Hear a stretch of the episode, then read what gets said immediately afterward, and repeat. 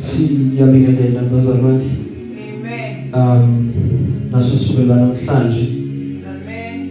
emuhle uNkulunkulu Amen. Amen. praise the lord Amen. eh kube kuhle enkosini ukuba siphinde sidibane sizothi bayede kuye Amen. makabongwe Jesu Amen. haleluya Amen. uh once again bazalwane namhlanje nginezwi lenkosi engithanda ukuba sibonisane ngalo.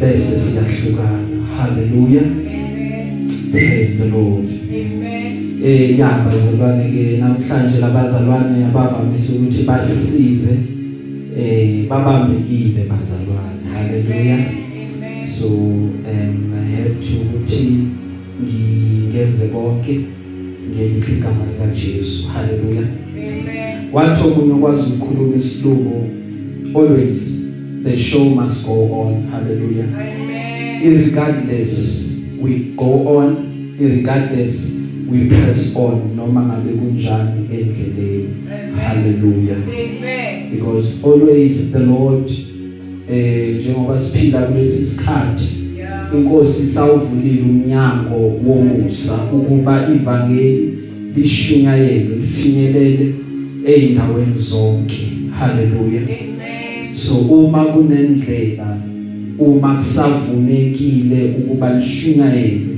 sibizela ukuba senze lokho haleluya Amen. ngoba siyofika isikhathi elithi iBhayibheli bayohamba abantu baye entabeni belifuna kodwa bangasamtholi because umnyango wokushunyayelwa kwalo uyobe usuvaliwe haleluya Amen. Praise the lord Amen. really once again even today this opportunity asithathi kancane Yeah. but we value it because we believe and we know ukuthi kukhona ushintsho lwenzakalayo ezimpilweni zabantwana bakaNkuluNkulu wherever they may be across the world hallelujah Amen. siyabingelela ke kini bazalwane emuhle uJesu sibonge ukuthi nizohlanganyela nathi sibingelele to abazalwane who watch live ngelihle igama lika Jesu hallelujah. Amen. eh, across all digital platforms siyabulisa sibonga baba uNkulunkulu osasigcinile waphinde wasenzela umusa. Amen. Hallelujah. siyabonga bazalwane ukuthi every time every sunday without fail niyasilalela. Into enkulu leyo bazalwane ukuthi nithatha isikhathi senu nilalele intshumayelo. Nakulabo bangekho bazalwane. Haleluya. Amen. nakulabo abakhona siyabonga bazalwane ukuthi nize nizodibana nathi osukwini lwanamhlanje. Amen. Amen. emabhayibhelini ethu sifunda indawo ngithi azibe zimbili. Indawo yokuqala incwadi yesililo. Nokholwa ukuthi lencwadi yabhalwa uJeremiah. Haleluya Amen. sifunda incwadi kaJeremiah chapter 3 mabili amavesi lapho. Sibone emva kokuba sesiwafundile ukuba kungaphuma yini haleluya Amen. emva kwaloko bese siyaphuthuma sifunde incwadi yabaseKorinte besibili ichapter ngithi u4 iverse u16 praise the lord Amen. hallelujah Amen. incwadi yesililo lapho bafundi iBhayibheli esilungu it is the book of lamentations lamentations eh, chapter 3 hallelujah Amen. iBhayibheli ifunda ngananzi indlela lamentations chapter 3 verses 22 and verse 23 incwadi yesililo chapter 3 verses 22 as well as verse 23 the bible reads as follows. The faithful love of the lord never ends. His mercies never cease. Great is his faithfulness. His mercies begin afresh each and every morning. Hallelujah. Amen. kumusa kaJehova ukuthi asiqediwe. Yeah. ngokuba ubele bakhe apheke Yeah. busha ekseni njalo. Thembeka kwakho simakade kukhulu. Haleluya Amen. thembeka kwakhe kukhulu. The book of 2nd corinthians chapter 4 verses 16 the bible reads thus that is why we never give up. Though our bodies are dying our spirits are being renewed every day. Ngakho asidangani kodwa noma kubhubha umuntu wethu wangaphandle owangaphakathi wenziwa musha imihla ngemihla. Ngakho sidangani bazalwane. Noma ebhubha umuntu wethu wangaphandle owangaphakathi wenziwa musha imihla ngemihla. Day by day senziwa sibe basha. Singavala amehlo. uNkulunkulu wami uyaphila wena. Kanjalo nezwi lakho liyaphila linguqo liphefumulelwe nguwe. Nkosi lingamadoda siqondisayo endleleni. Izwi lakho likhaliphile simakade ukudlula inkembe ekhaliphe enhlangothi zombili khuluma ngalo sibusiseke thina. Khuluma ngalo simakade suthisa umphefumulo wethu. Bese uKristu athola udumo sicela konke lokho ngokholwa izwi lakho nawe Jesu Kristu inkosi. Amen. Amen.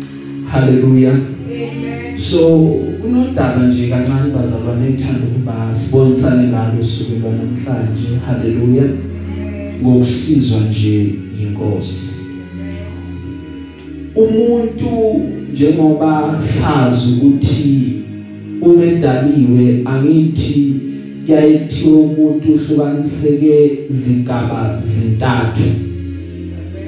Haleluya kusho ukuthi mangikhona mina ngihlukaniseke kawu 3 now ekubeni umuntu kwami ngingumuntu yes but ngioccupy umzimba. Haleluya bese kimi ngaphakathi kunomoya noma kunomphefumulo. Now lokho bese kuchaza that a tripartite alliance yomuntu umuntu oziqhu zintathu. Haleluya now umuntu eyiziqhu ezintathu bese kuba khona ukuhlukaniswa futhi okuba kabili komuntu. Umuntu ukuthi uma ekhona kuthiwe nangu mina ngikhona. Bese mina ngiyakhuluma ngithi uma ngikhuluma ngithi hey ikhanda lami libhlungu eh uphethwe inhloko nawo ubani kanti lo phethwe inhloko yilo muntu oyimo ngaphakathi why? Because abantu le le le interaction ababanayo ukuhlanganyela nabahlanganyela nalowo kakhulu ongaphandle uye lo abakwazi ukuthi bambambe baphinde bambone. Haleluya but kumina mina self yilobo obungaphakathi lobu obungabonwa umuntu ongaphandle. Now that is what uh, shows the the difference evela kumuntu emenza ukuthi umuntu avele akabili kumuntu. Haleluya now lokho kuphinde futhi kuvele uma umuntu ekhuluma athi awungazi kahle ngizokubonisa mina ukuthi ngingubani. Now it just goes to show ukuthi umuntu uyakwazi ukuthi avele in a double manner noma aphile a double life phambi kwamehlo akho. Haleluya Amen. na umuntu banako lokho okuvela kuye eh kube kabili okumhlukanisayo. So kunezinto uNkulunkulu athi uma ezenza azakhele unto the power of two. Now eh, esikoleni into abasifundisa yona about the power eh, of two kunento evelayo efundisa to learn ukuthi ubonge noma uappreciate lokho kunye hallelujah. Now lokhu bakubiza ngokuthi ama binary oppositions. Izinto ezimbili eziphikisanayo kodwa ezidinganayo uma umhlaba udalwa lithi iBhayibheli bekade kugcwele ubumnyama all over umhlaba uNkulunkulu wafika wazokhuluma phezulu kobumnyama wathi kube khona ini ukukhanya yet ubumnyama uNkulunkulu azangathi kungaphindi kube khona ubumnyama kuba khona. Lithi iBhayibheli uNkulunkulu ehlukanisa lephathe ekhanyayo wayiqamba wathi this is day noma yimini lena lephathi emnyama wathi lana kusebusuku na ukuze sibone noma si appreciate ukukhanya kwethu kwelanga. Si appreciate simply because we know what is what is it like ukuthi sibe sekumnyameni umshumayeli chapter 3 uyichaza kahle le ndaba. Uma echaza the, the, the, the patterns of time asho ukuthi kukhona isikhathi so sokuzalwa kukhona isikhathi sokufa. Aqhubeke njalo athi khona isikhathi sokutshala khona isikhathi sokuvuna. It just shows that contrast between lezi zinto ezimbili. One without the other ayikwazi ukuthi ibe khona. Iba khona ngobani? Ngoba kukhona le enye and awukwazi ukuthi uappreciate le enye ungabonanga le enye. Awukwazi uappreciate insuku la uhleka noma wenama ujabula khona ungakaze ube nezinsuku la ukhala khona. So ukukhala ukufundisa ukuthi uappreciate and ukhumbule lezo insuku ukuthi kuke kwaba nosuku la ngangikhala khona but i thank God ukuthi lezi insuku zingcona ifana nale insuku esadlula kuzo. Haleluya njengoba imvula ina kulezi insuku ilanga singalibonanga lisahambile ilanga phakathi kwethu singaliboni. Kukhona abanye bathi hey ngiyalikhumbula ilanga.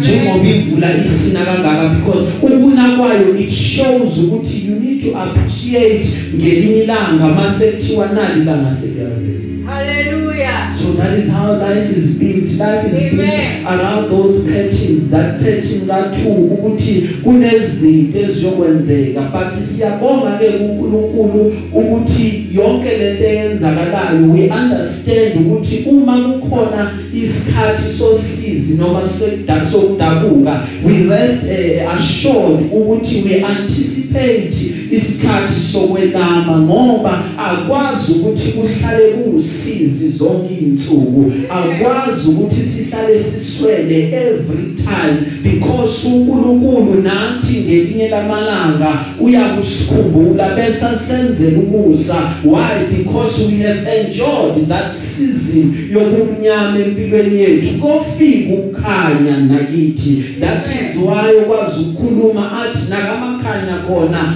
kwakhanya why? Because yonke indawo all the time or all the seasons they do come upon a certain place at a certain time. Ngesikhathi kusuke ezimiselwe sona Hallelujah.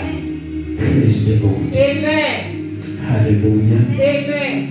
now engifuna ukuba sibuke na uthi obhala iBhayibheli. Kungumusa kaNkuluNkulu kungumusa kaJehova ukuthi uma usibukathi uthola into eyodwa Amen. ukuthi asiqedi Hallelujah. ziyasehlela izinto ziyafika izimo zizosishaya Amen. but uma usibuka Hey. Urealize into eyodwa ukuthi la- laba bantu Hey. abapheli Hallelujah. haleluya Amen. now kune part Yeah. kune element Hey. yokuqedwa Amen. that part eyakhelwe empilweni when we go back the power of two siphila nje kukhona okunye okuphakathi kwethu Ah. igama labo ukufa Jesus. praise the lord Amen. ukufa ngendlela okungakhona Ah. lithi iBhayibheli uma ulifunda isitha sokugcina siyoqotshwa. Kuyawukuba ukufa ngoba la siyakhona akusekho kufa akusekho ukugula akusekho insizi Ah. because ukufa kuyobe sekunqotshi Amen. uma ukholwa uNkulunkulu Yeah. ngelinye ilanga wahamba uNikodima wanyonyoba ebusuku eye kuJesu. Abona ukuthi uJesu as much as mina ngazi umthetho kodwa kunendoda ephakathi kwethu ephethe iqiniso lesikhathi engidingayo. So waya kuye abantu bengaboni kumnyama uma efika kuye wambuza ukuthi manje ngiyayizwa lento yakhe inamandla. Na ukuze ngiyithole kumele ukuba ngenze njani? Wathi Jesu memphendula kumele ukuba uzalwe kabusha because inkinga yakho Nikodima ukuthi wena uzelwanga kabusha. So uNikodima waba nenkinga ukuthi sengimdala kangaka ngabuyela kanjani esizalweni? Ngiyozalwa kabusha. Kanti uJesu ukhuluma about the spirit man efanele ukuba azalwe kabusha. Now what happens in life eh, esiphila noma sikholwa izi kudingeka ukuthi imvelo yakho ehlezi eyathuma idalwa yadalelwa esonweni yahamba nesono yasijwayela isono uma ifika idibana noKristu bese iyafa Amen. uma isifile bese kuvuka imbewu entsha. So that uma uqala uthi ngiyaphila ungasayiphileki wena kodwa kutholakala ukuthi mina sekubumina sekufile kunezinto ezithuma uyitholile evangelini yiguqule ukwenza noma ukuyiphatha kwakho because sekunento oyitholile efika yenza ushintsho ngaphakathi kuwe. Uma isingena yenza izinto zingafani nasekuqaleni. Amen. haleluya Amen. praise the lord. Amen. so kumele ukuba ngife mina. Ngingasaphili ukuze kuphile uKristu. Ngoba uKristu ungene ngaphakathi kimi Amen. Hallelujah. Amen. now kwenzeka njani omunye uthi ngiyafuna ukusindiswa but into engishaya ukuthi ngiyokwenza kanjani because kunezinto engisabambelele kuzo kunezinto eziseduze kwenhliziyo yami. Manje what i understand about ukusindiswa ukuthi kumele kuba lezi zinto zigudluke nawe. Inkinga yethu futhi singabantu siyathanda ukuthi lento iyangihlula bese vele lento iyasihlula. Na uma ubambelele kulezi zinto uthi kunzima ukwenza lokho kunzima ukuxolela Amen. ngimthethelela kanjani? Wangenza into ebuhlungu kangaka? Ngiyamthanda uNkulunkulu kumtha mara makubele ngimthethelele lo hayi Hallelujah. omunye azashathi hayi ngabaxolela bonke lo Hosea. hayi hayi hayi wangikhuba lo mzana Ah. Hayi. qiniso lihle hey wakho hey Hey, Jehovah. engacishe ngavuka esibhedlela Ah, siza baba. ukuthi ngimthethelele kimi kunzima Hey. Noma uhlala naye uthi uzoletha isisombululo kuba isolution kule nkinga yakhe utshela ukuthi inkinga yakhe inkulu kangakanani. Ekugcineni noma sewuhamba sehlukana uthola ukuthi la niqale khona ngcina khona. Ngobani? Ngoba isisombululo azange lize nisithole. Ngobani? Ngoba yena usafuna ukuhlala kulento yize athi mina sengisukile lapha sengiyisidalwa esisha Amen. praise the lord. Glory. ubuza uthi kwenze kanjani usizakala kanjani nayi impendulo Hallelujah. uza kuNkulunkulu njalo Ah.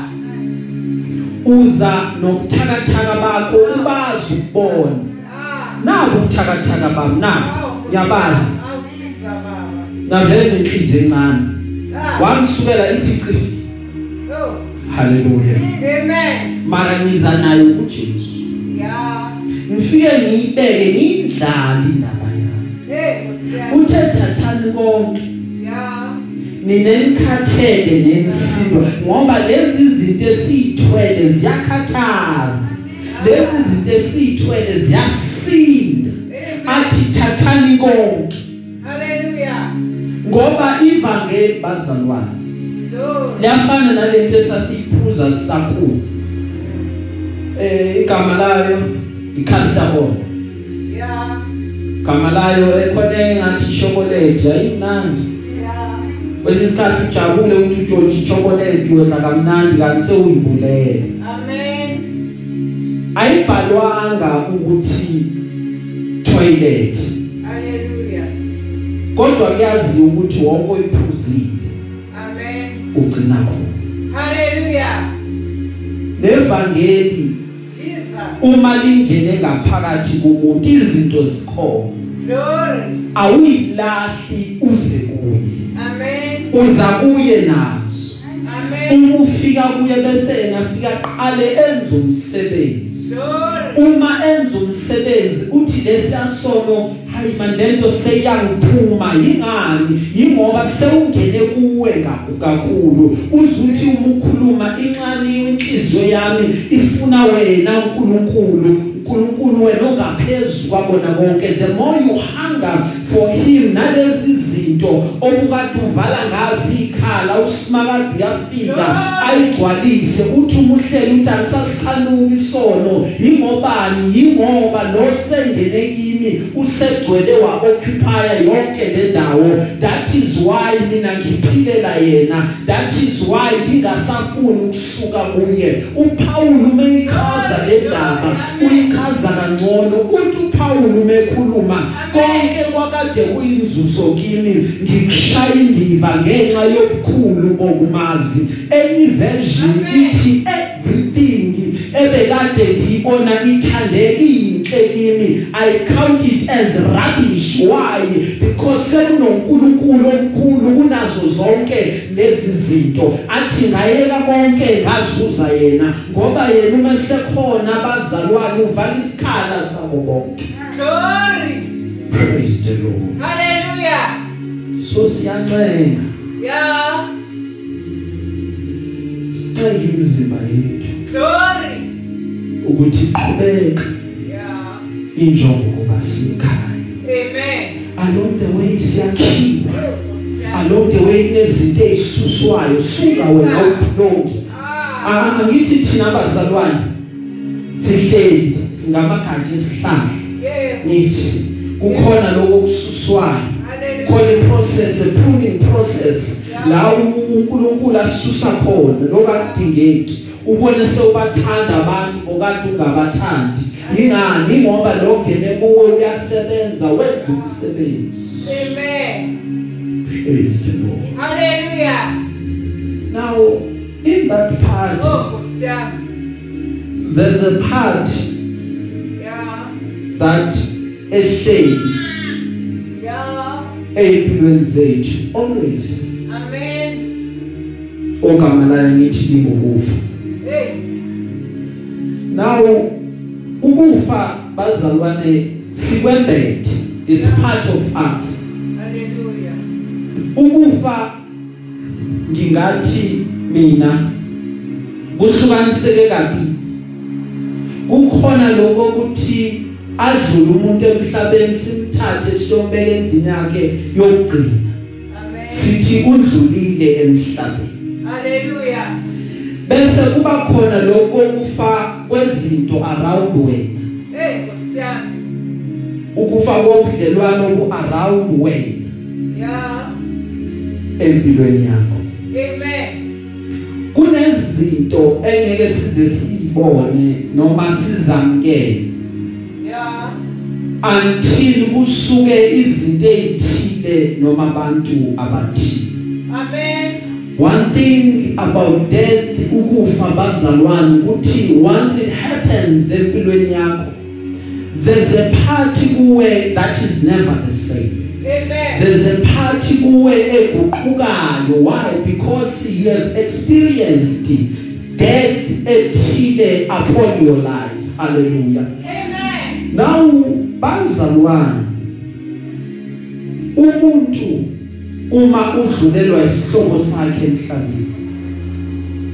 Okwenzakalayo noma besineminyaka emingakanani kuyaye kube buhlungu. Haleluya. Because kunobudlelwane besekunqamuka why? Because akasekho. To a certain point a certain degree kunezimo uNkulunkulu ayivumelayo zibhlungu zisihlele so that sizobona into ethi Amen. uthi Isaya umebhala ngokufa kwenkosi uziya ngayibona mina inkosi Hallelujah. if inkosi uziya ingazange ive Yeah. kunezinto uIsaya bengeke akwazi ukuthi ayibone Amen. uNkulunkulu bengeke akwazi ukuthi ambone why because usejwayele ukuthi izinto zihamba kananzi indlela Hallelujah. praise the lord Amen. nginomngani lo mngani enginaye ubudlelwane bethu buneminyaka bukhona. Kodwa nangelilodwa ilanga awuzukuzwa kuthiwa ubudlelwane bethu buphelile Amen. asihlali phansi sikhulume ukuthi hayi eh, eh, asiqhube ubudlelwane bethu buqhubekele phambili eh, siloku sikhipha in touch we try and touch base whatever cha Amen. noma singakhulumanga 5 months Hallelujah. but we know ukuthi ubudlelwane bethu friendship yethu ayibi affected. Amen. ngiphinde ngibe nomunye umngani. Lo mngani okwenzeka engubonayo ngibone ubudlelwane bethu bufa a slow death. Bekade khona kuvutha bungamalanga kwaya kwaya kwaphola. Kwaphola kwaphola right now yami. and asixabananga naye why kunjalo Amen. it is because sometimes in life kunezinto uNkulunkulu ayivumelayo ukuba ziqhubeke ziphile Yeah. sometimes in life kunezinto uNkulunkulu avumela ukuba zife Amen. why kunezinto ezihamba hamba yingoba some of lezi zinto for la uyakhona ayidingekile Amen. obunye balobudlelwane onabo akufuneki la uyakhona because there is nothing really wrong ngabo but it is because akunama benefits wala uyakhona Amen. that is why nawe self you don't see the need ukuthi ubuqhube lobu budlelwane why? Because uyabona ukuthi akuna benefit etheni ongayizuza ngabo. Even if kuthiwa sekuphelile it's fine. Amen. hallelujah. Amen. because that is how life is built. There are things uNkulunkulu ayivumela ukuba zife. Zifa ngoba sisuke nathi sanamathela kuzo kakhulu partly okunye sangasamnaka uNkulunkulu ngenxa yalezi zinto Hallelujah. hallelujah Amen. praise the lord Amen. ngikhumbula ngalinemoto ngiyithanda le moto Kusiyami. hlala hlala ngiwashi hey Eh, Kusiyami. uma sengiwashile ngihambe ngangafuni lutho ngani few years down the line Ah, Kusiyami. ngangena ku MVA Ah, Jehova. yaphela imoto Oh, Kusiyami.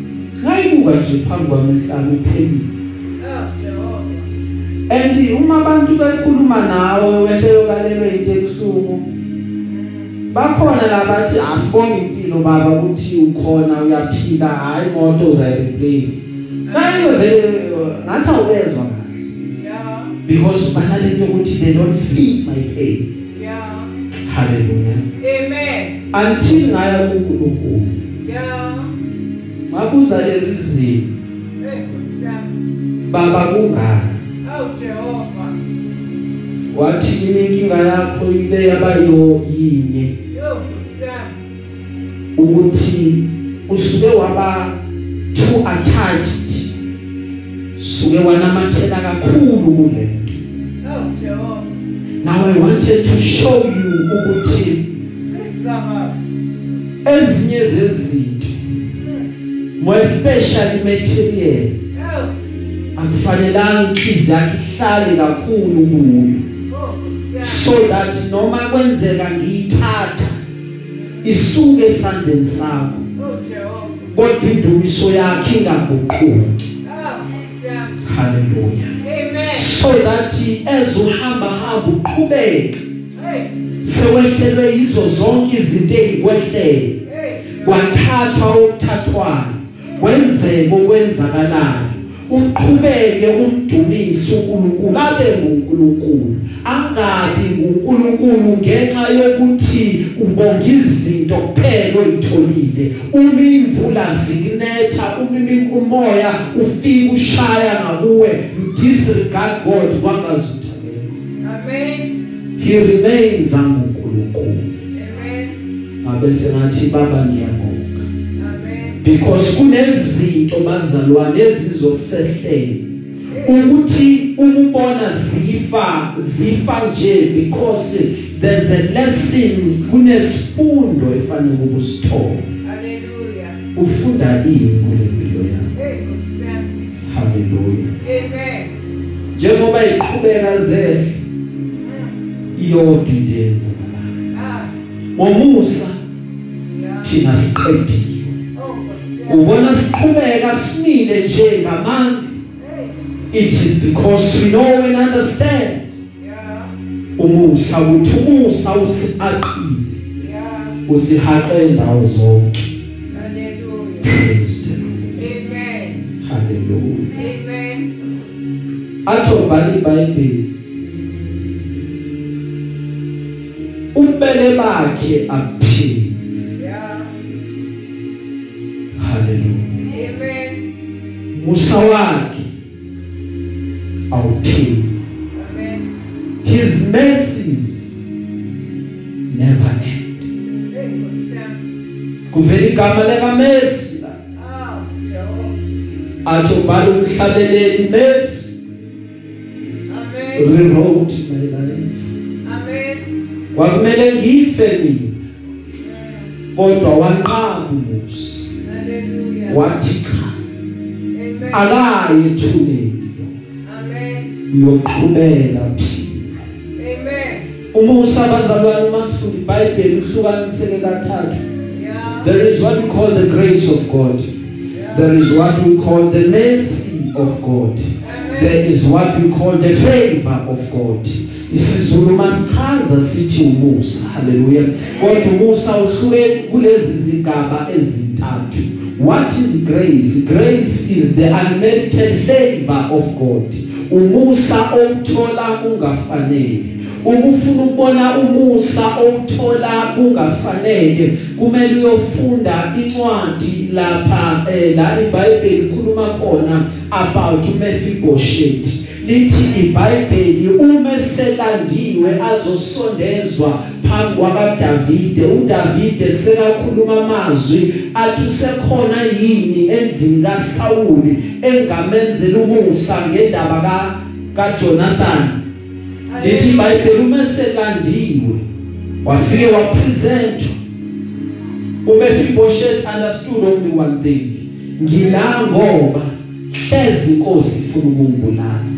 Hlezi inkosi ifuna ukuqeda ngami ngoba vele mina ngisesi ngisenzalweni yesitha sami because noma ebekade le endaweni yabalahliwe ubekwazi ukuthi sekungubani inkosi and wezwa indaba zokuthi umkhulu wakhe ubekade ezingela uDavide efuna ukumbulala uma sekuzwa izwi ukuthi usekhona yini osele isekhona yini insali esele endlini kaSawuli Amen. wathi umefika wathi inkosi mana njalo Hallelujah. but David ungasanqedela Hey, Hosea. Ngoba njengoba ngime lapha kwakho ngifana nenje fika I am as good as dead but the grace Yeah. wathi Mephibosheth uyophila Mephibosheth uyohlala nenkosi uyokhavarishwa i-tablecloth ye-velvet Amen. the grace of God Amen. bese bakhona what we call the favor of God Yeah. favor Amen. what is favor Hey. Ifavor it is an unjust or unfair treatment ekwenza ukuthi wena bese uyabenefita praise the lord. Umuntu makathi kwenzela ifavor uthi abanye babantu angibenzele Hey, ngoba wena ukhona ngizokwenzela. Ngoba ngoba uwe ufumane umusa phambi kwamehlo wami. You have received favor. Praise the lord. Hallelujah. ubani wathola ifavor lithi iBhayibheli masifunde incwadi kaEsther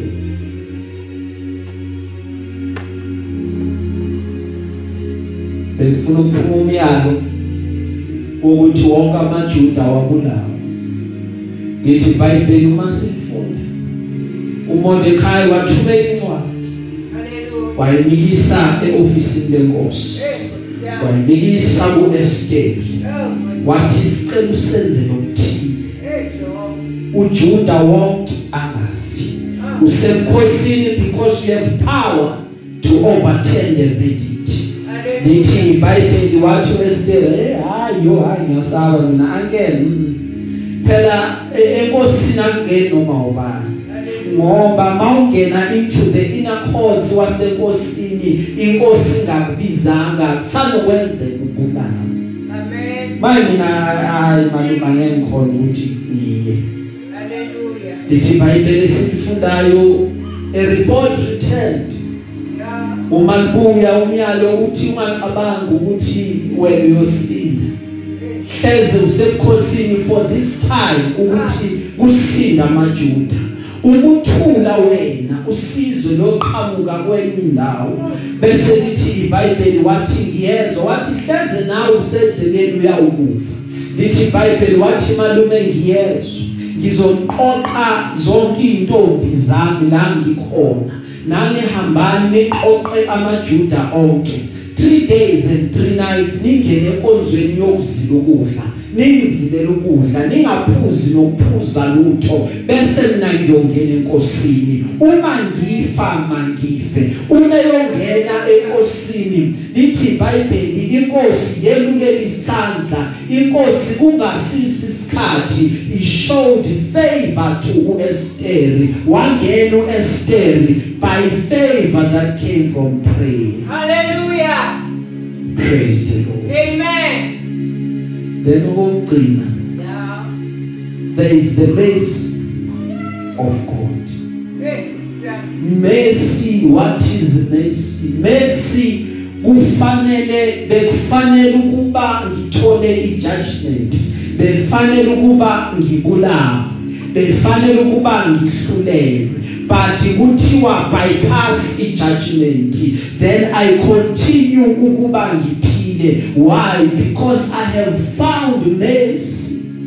Amen. lithi iBhayibheli owesifazane bathuma bemthola bathi nangu Nkosi simbambe ephinga nangu size kuye. Beza kuJesu sebaphetha manje bathi hayi sizomkhanda ngamatshe but before simkhanda we- wena Jesu thini because we are standing on what uh, the word kaMoses ithini ithi okufumaneke enza lokho akaphonsitshe bese kuyaphelwa ngayo Amen. lithi iBhayibheli wathi Jesu Hallelujah. phakathi kwenu njengoba nimelana Amen. uma kukhona ongena so Jesus. akaphonsi nje lokuqala iBhayibheli ungabona Ah. babuka labamlethile Oh, Kusiyami. wonke umuntu wacabanga isono sakhe asenzile. Wathi hayi lesi ngathi singcono. Eh, Kusiyami. nanisaba lishije bahamba. Akekho watshela omunye. Oh, Jehovah. bonke baphenduka bahamba. Jesu mevusa amehlo uthi baphi? A- apha ama accusers akho. Oh, uthi owesifazane inkosi bahambe bonke. Uthi nama ngwahluleni kodwa ngithi kuwe hambe ekhaya and sin no more why ngoba she was shown mercy Ah. wangasaphanishelwa izono zakhe Ah. praise the lord Amen. That is why umi Bible silifunda lithi iBhayibheli the mercy of God is new his mercies are new every morning. Sithi noma sonile ngayizolo but uma sivuka siyawuthola umusa. Ngoba uNkulunkulu uyayinisa imvula kwabagodli naba-ungodly. uNkulunkulu uyasithethelela noma sesone kangakanani. Why? Because unguNkulunkulu. That is full of mercy. Amen. qobo nje kuba siyivuka Jesus. Bese siyayishiya Ah, Kusiyami. Jehova uhamba nathi endleleni Ah. Ah. usa wakhe musha usuku nosuku Ah. omunye uzuthi deserve la uNkulunkulu asebeke khona Oh, Kusiyami. it is because God Jesus. ubona imesi kufanele Amen. hallelujah Amen. praise the Lord Amen. uma siyolala Oh, Kusiyami. kunobusuku Oh. And ziningi izinto Oh, Jehovah. ezifikayo ebusuku Mm. uke wagula ebusuku Oh, Kusiyami. uzwe ushawa eyipeyi Oh, God. uzobuya ubhlungu ongakwazi ukuthi ubuchaze Mm. kwesisikhathi mawuthi uthi uyakhuluma ubona angisakwazi nokukhuluma mina ngizazi ukukhuluma but ma- ayiphumi nokuphuma ivoice yami mangithi ngithi ngiphakamisa umzimba umzimba uphakama Hey, noma ngithi ngifuna umemeza kungisize ngiyobiza ngalo Ah. zame phakathi kuwe ukhuleke Mm. baba yiba nawe Oh, Kusiyami. ungazi nawe ukuthi ulale njani yini ubone sewuvuka ekuseni Ah, Jehovah. mawuthi uthi uyavuka u- uthi uyakhuluma hayi uyakhulumela uthi uphakamisa inyawo hayi inyawo ziyaphakama. Uthi ah praise the lord treating right. Inkinga ivela nje mase kumele ubuyele futhi uyolala Eh, cabanga ukuthi mhleze iphinde ibuye le yanto yayizolo hayi mara hayi mthandaze uhambe uyolala. Yeah. with the hope ukuthi hayi ngeke ibuye. Avele ingabuyi. Then you see ukuthi ebusuku kunezinto ezisehlelayo esingakwazi ukuthi sitshele omunye umuntu ngazo Yeah. because uma ifika zifika zibe personal ngenye indlela Hallelujah. praise the lord Amen. athi obhala iBhayibheli ebusuku ziyafika inyembezi Yeah. ebusuku kuyenzeka ukhale kodwa ekseni injabulo iyafika praise the lord Amen. so noma ngibe sebusuku Yeah. i rest assured ukuthi morning is coming kuzokusana kimi kuzokhanya nakimi Hallelujah. praise the lord Amen. ngoba uma kumnyama manje khanya kuyeza Hallelujah. sizomemezela lokho namhlanje Amen. ukuthi morning is coming Yeah. kuyeza ukusana kuwe Yeah. haleluya Amen. hlezi uhlale kumnyameni for a very long time Yeah. ungayiboni indlela efanele ukuba uyithathe ungaboni la fanele uye khona because it was so dark. But morning is coming. Praise the lord. There, Amen. there is something ebuye ivele ebusuku. Ebusuku kuvela inkanyezi haleluya Amen. abafundi begeography they know ukuthi even ilanga is a constituted noma libalwa njengenye inkanyiso Amen. haleluya bazalwane Amen.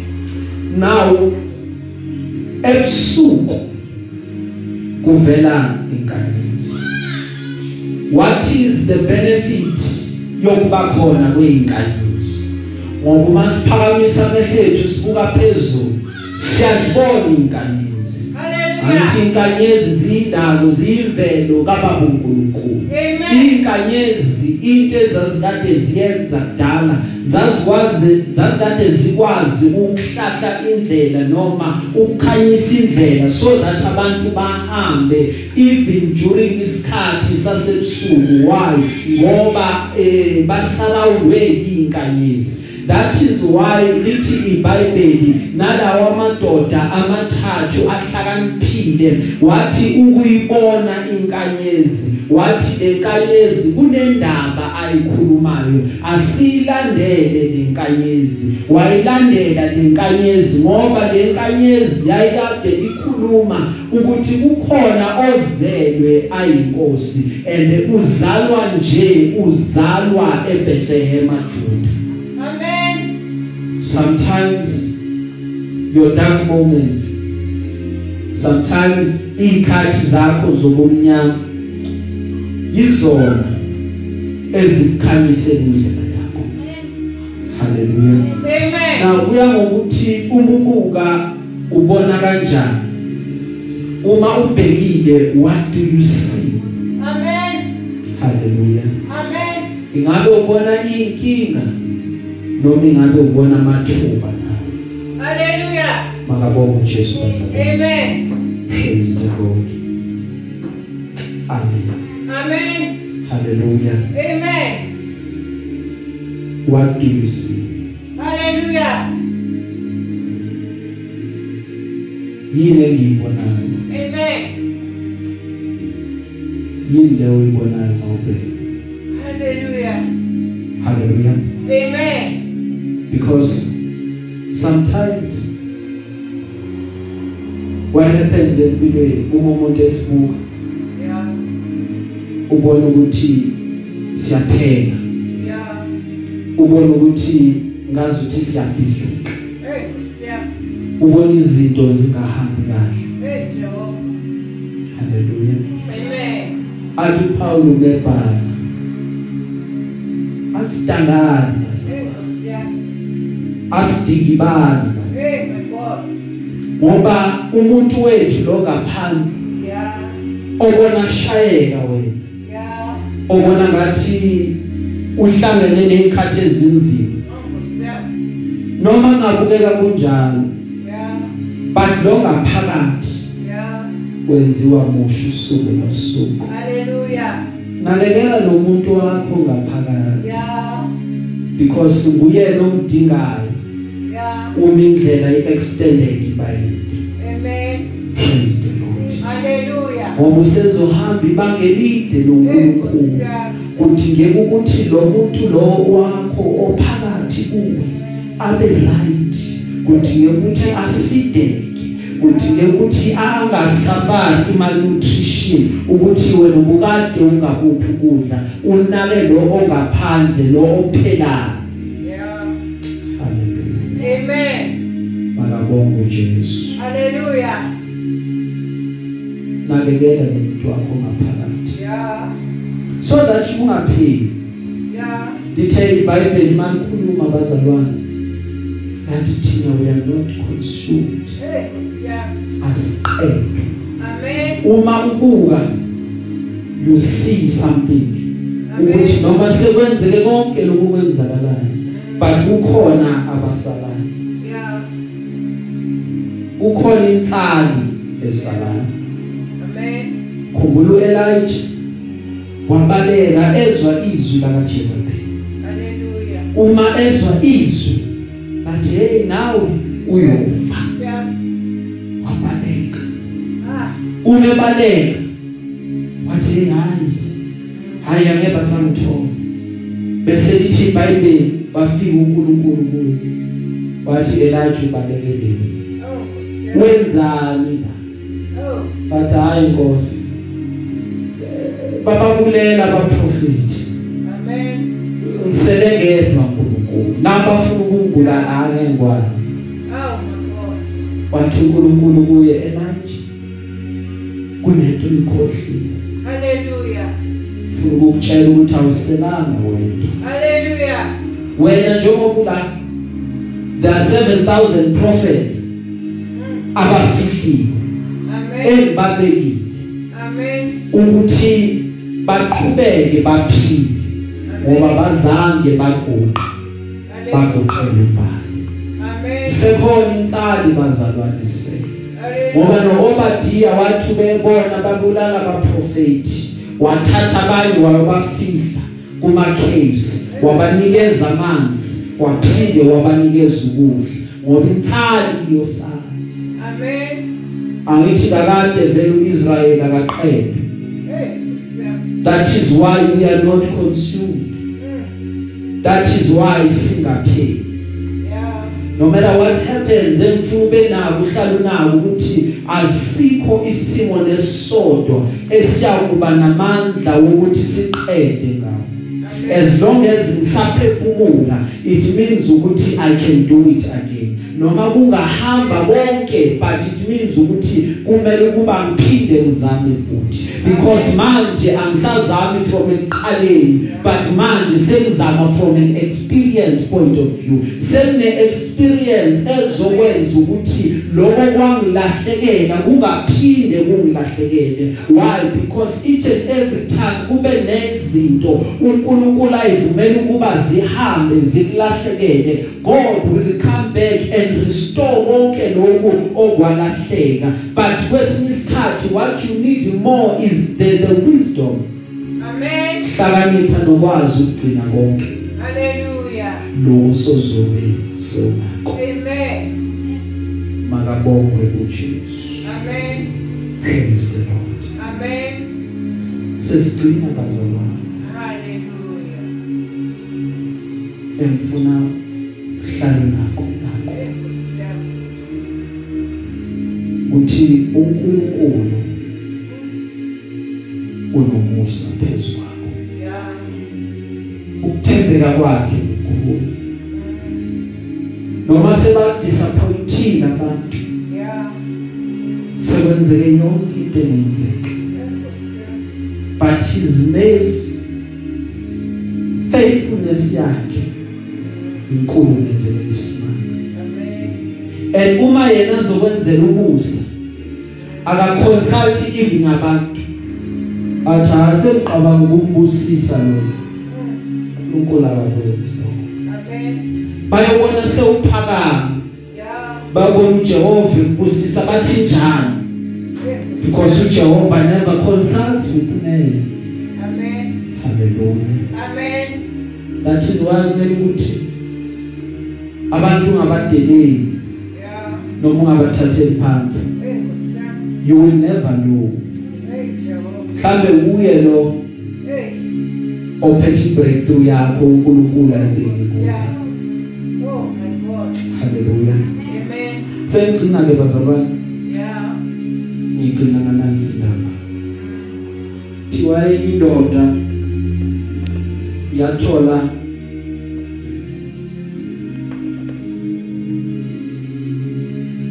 indawo.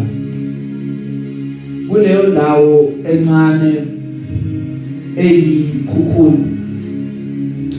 Ithola kune butterfly ne?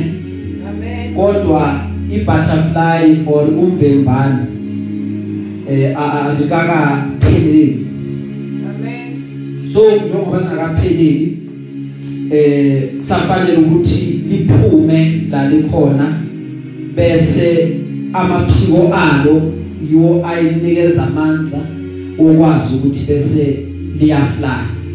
Because ibutterfly iyafly.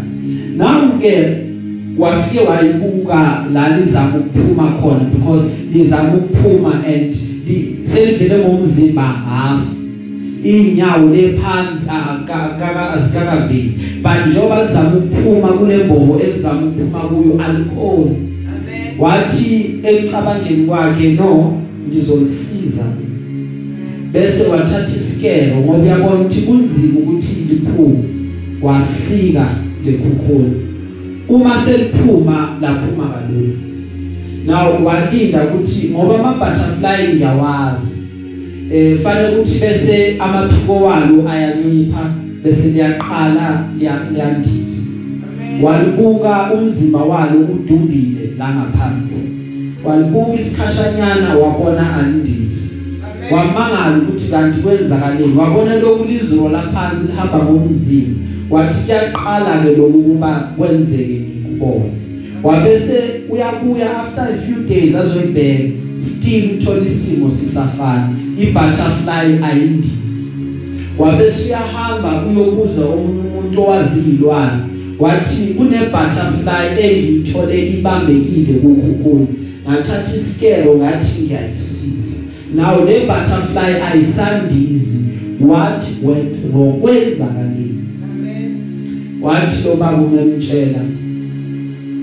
Wenzekani? Hey, Kusiyami. bekufanele le butterfly njengoba uyibona lapha. Uyiyeke. Izigcina iphumelelo ngoba kwenzakalayo nakho la emzimbeni wayo the more izama ukuphuma kufanele ukuthi the fluid noma uketshezi kuphusheke phansi kuye phansi behle behla nomzimba the more lokhu iphuma iphuma iphuma. Bese mase kufika ngasekugcineni bese amaphiko wayo ayancipha. Bese from lapho uyakwazi ukuthi bese iyandisa iyafly now in life usethi ke lo baba in life kunezimo ezisehlelayo abanye abantu baze bacabange ukuthi uma benza okuthile basuke basiza thina. Kanti ngaleso sikhathi basuke basibulala in essence that is why kunezimo uNkulunkulu ezithuma zikwehlela angavumeli abantu abathile ukuthi babe khona. Kunabantu ongathi uyabafonela uthola ukuthi abatholakali ngobani ngoba babambeke ezintweni zabo. God understands ukuthi uma lo muntu ekusizile you will never become lo muntu Jehova ufuna ukuthi ube wuye fanele ukuthi lenhlungu oyizwayo lokuyehla yehlela ngenzansi like with the butterfly. Uma seyehlele ngenzansi bese kuba khona ipush eyenzakalayo emaphikweni bese amaphiko ayaqala ayaphakama bese amumatha amandla bese yandisa Amen. sengcini Glory. gcina ngokuthi lokhu usizo ngalithola akulona lokhu usizo okuba usizo Yeah. olunye usizo akulona usizo kuwe because once you get it kunezinto kuwe engeke zize zindize Yeah. haleluya Amen. sewehlelwe ikona konke Hey, Kusiyami. ufuna ubambe nakamazwi Oh, Sister Jehovah. asidiki bani bazalwane Yeah. noma sibona ngathi kuyaphela we understand one thing Amen. Ukuthi senziwa basha we are being renewed. Haleluya Amen. umusa wenkosi yethu uJesu. Musa kababa uNkulunkulu musha usuku nosuku. Haleluya Amen. siyabonga bazalwane funa kwezwi lenkosi. Kuzophelela la. Kwana inkosi ingabusisa ukufundwa kwezwi amen